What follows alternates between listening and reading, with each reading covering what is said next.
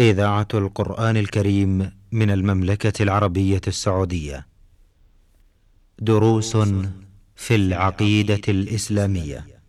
برنامج من إعداد فضيلة الدكتور صالح بن عبد الرحمن الأطرم. تقديم يوسف العقيل. بسم الله الرحمن الرحيم، الحمد لله رب العالمين. والصلاة والسلام على أشرف الأنبياء والمرسلين نبينا محمد وعلى آله وصحبه أجمعين. أيها الإخوة المستمعون الكرام السلام عليكم ورحمة الله وبركاته.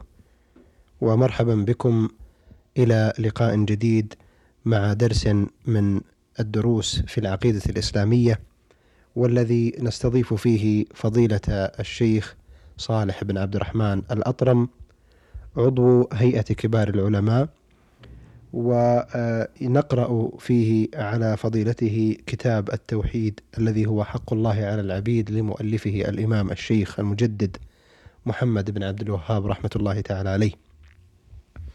في مطلع هذه الحلقة نرحب بفضيلة الشيخ صالح. حياكم الله شيخ صالح. حياكم الله ووفق الله الجميع لما يحبه ويرضاه. اللهم آمين. لا زال الحديث موصولا مستمعين الكرام في باب الشفاعة. وقد بين الشيخ حفظه الله فيما تقدم تعريف الشفاعة وأنواعها وأنها فيها المثبت ومنها المنفي. ونود في بداية ومطلع هذه الحلقة أن تبين لنا فضيلة الشيخ أنواع الشفاعة المثبتة والبسط في هذا. بسم الله الرحمن الرحيم. الحمد لله رب العالمين. وصلى الله وسلم على نبينا محمد وعلى آله وصحبه أجمعين. الشفاعة في الحقيقة أمر عظيم ومعرفتها أمر مهم لأن المفاهيم اختلفت فيها ولأنها أمر مرغوب عند الناس ف وحقيقتها تكون مجهولة. فعلى من أراد أن يستشفع بمست... بأحد أن يعرف حكم هذا الاستشفاع. ما حكمه لمن استشفع به؟ لماذا؟ لأن الشفاعة قد تؤدي المستشفع إلى شرك أكبر. وقد تؤديه إلى قد يكون إلى وسيلة إلى الشرك. والشفاعة الحقيقية المثبتة جاءت في النصوص في نصوص القرآن والسنة. فأولا الشفاعة الكبرى وهي شفاعة الرسول عليه الصلاة والسلام لأهل الموقف. هذه ليست إلا للرسول عليه الصلاة والسلام. فإنه حينما يحزب الأمر يخر ساجدا فيعظم ربه فيقال له ارفع رأسك وسل تعطى واشفع تشفع. واشفع تشفع, تشفع. وبعد ذلك الشفاعة ل للعصاة بأن لا يدخلوا النار. بأن لا يدخلوا النار. نعم. العصاة من الموحدين الذين لم يأتوا بالشرك. أما من مات مشركا من مات مشركا فهذا لا تنفعه شفاعة الشافعين. وما ورد من التخفيف عن عم الرسول عليه الصلاة والسلام عن أبي طالب فهو تخفيف من النار وليس عتق من النار لأنه مات مشركا. مات مشركا. وإنما ما بذله من نصرة الرسول عليه الصلاة والسلام قد خفف عليه شيئا من النار فبدل أن يكون في قعرها أصبح في أعلاها ولم ولم يخرج منها لأنه لا يسلم الإنسان من النار نهائيا إلا بالتوحيد وهو شهادة أن لا إله إلا الله. شهادة لا إله إلا الله. ولهذا ولهذا جاءت الشفاعة جاءت الشفاعة على عدة آه، أنواع. فمنها الشفاعة الكبرى وهي شفاعة الرسول عليه الصلاة والسلام لأهل الموقف. إذا حزبهم الأمر خر ساجدا لربه يسأله أن يفرج موقف هؤلاء الأمة. فيقال له ارفع رأسك وسل تعطى واشفع تشفع. فيشفع في الفصل بين الناس. يشفع في الفصل بين الناس. في الموقف. في الموقف. نعم. فمن مات مشركا بالله الشرك الأكبر لا تنفعه هذه الشفاعة. لا تنفعه هذه الشفاعة. وإنما يفصل بينهم فأهل النار إلى النار وأهل الجنة إلى الجنة. ثم بعد ذلك تبقى الشفاعة لأهل التوحيد للعصاة من المسلمين م. الذين ماتوا على غير الشرك. من مات مشركا فهذا انتهى الكلام عليه. فالعصاة من أهل التوحيد فإنه يشفع لهم عليه الصلاة والسلام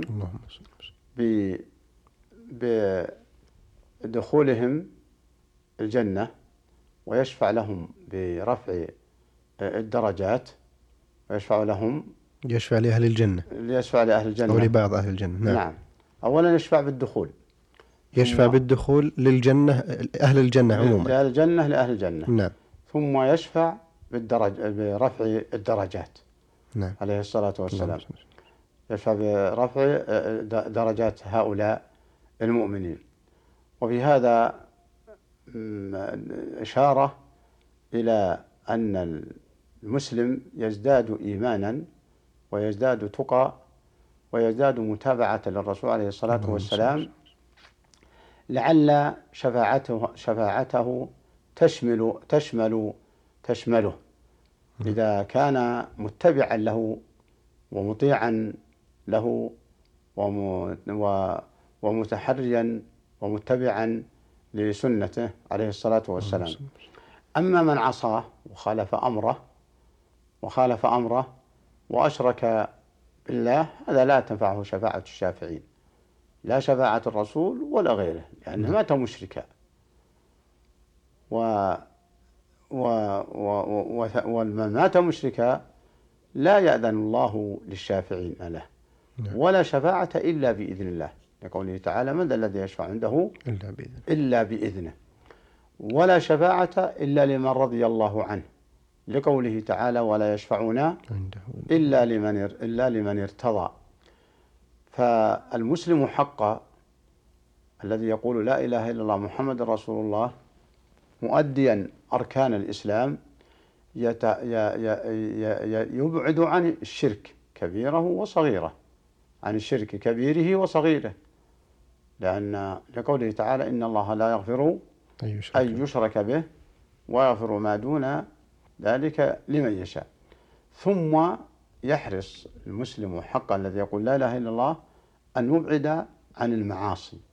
والمعاصي قد تكون تركا للواجب فعل الواجبات آه، كصلاة وحج حج فرض وبر والدين وحقوق الناس. هذا هذا العصاة. فمن ترك طاعة لله معتقدا عدم وجوب هذا كفر. فلو ترك الصلاة معتقدا عدم وجوبها هذا كفر. العهد الذي بيننا وبينهم صلاة من تركها فقد كفر نعم.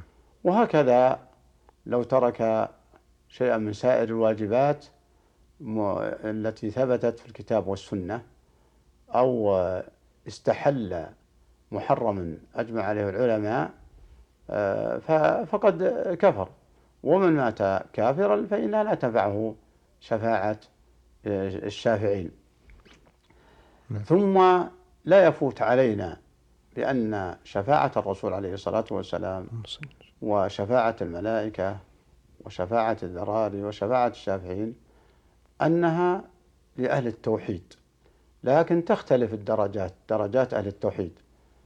فمنهم من توحيده خالص ومنهم من هو مشهوب ببعض المعاصي من هو مشهوب ببعض المعاصي.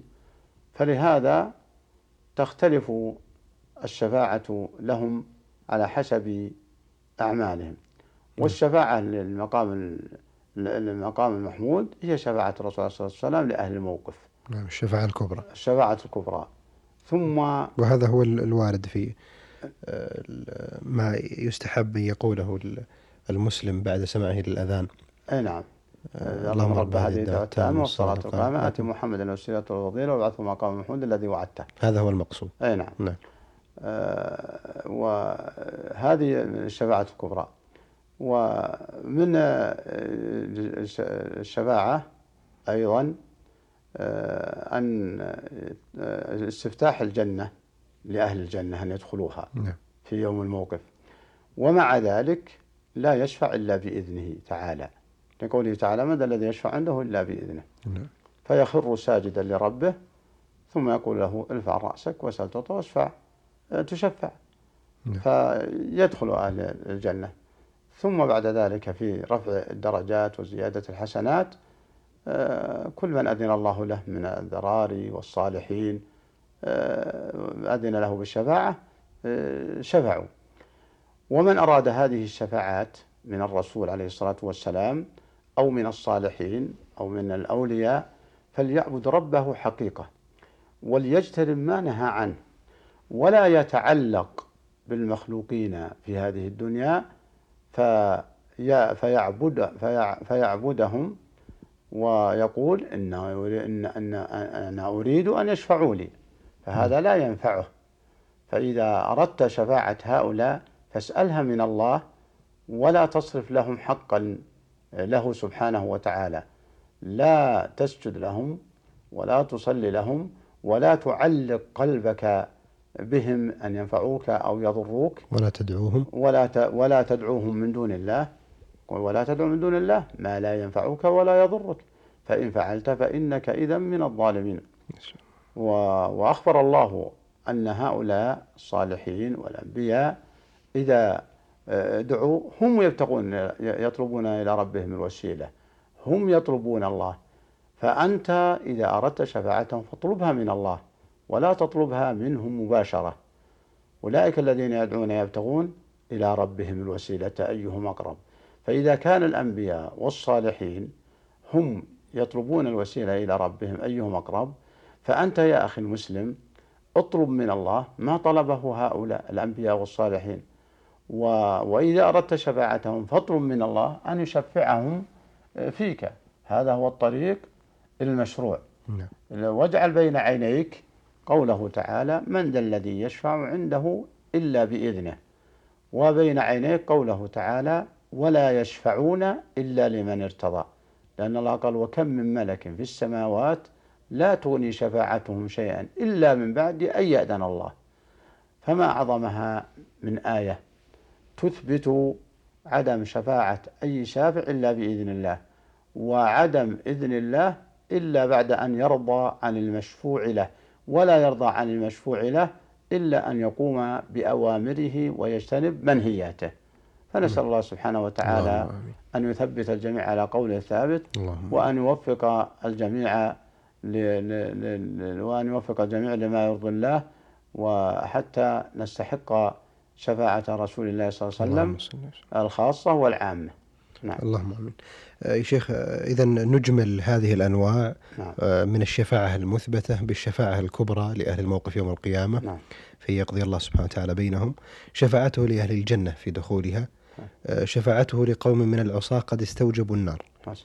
ثم شفاعته نعم. صلى الله عليه وسلم في العصاة من أهل التوحيد من الذين دخلوا النار نعم. فإن يخرجوا منها. وشفاعته لقوم من أهل الجنة في زيادة الثواب ورفع الدرجات نعم وأخيرا شفاعته في بعض الكفار من أهل النار حتى يخفف عذابه وخاصة في في عمه آه، أبي طالب. كما جاء في عمه نعم. كما جاء في عمه أبي طالب. أما الكافر فلن فلن نعم. تخرجه الشفاعة من من من النار. نعم. وهذا دليل على من زعم بأن بأن المشرك قد يخرج من النار بشفاعة. بشفاعة الرسول. آه، نعم. ودليل على على كونه نفس اللي طلب الشفاعة من الرسول أشرك ومع ذلك يطلب الشفاعة منه. نعم. آه، بارك الله فيكم آه، فضيلة الشيخ ووقت البرنامج آه، يوشك على الانتهاء. في ختام هذه الحلقة نتوجه لكم بالشكر الجزيل على ما بينتم. أيها الإخوة المستمعون الكرام نشكر الشيخ صالح بن عبد الرحمن الأطرم عضو هيئة كبار العلماء وعلى ما بين في هذه الحلقة. نشكركم أيضا على حسن متابعتكم. نستودعكم الله. والسلام عليكم ورحمة الله وبركاته.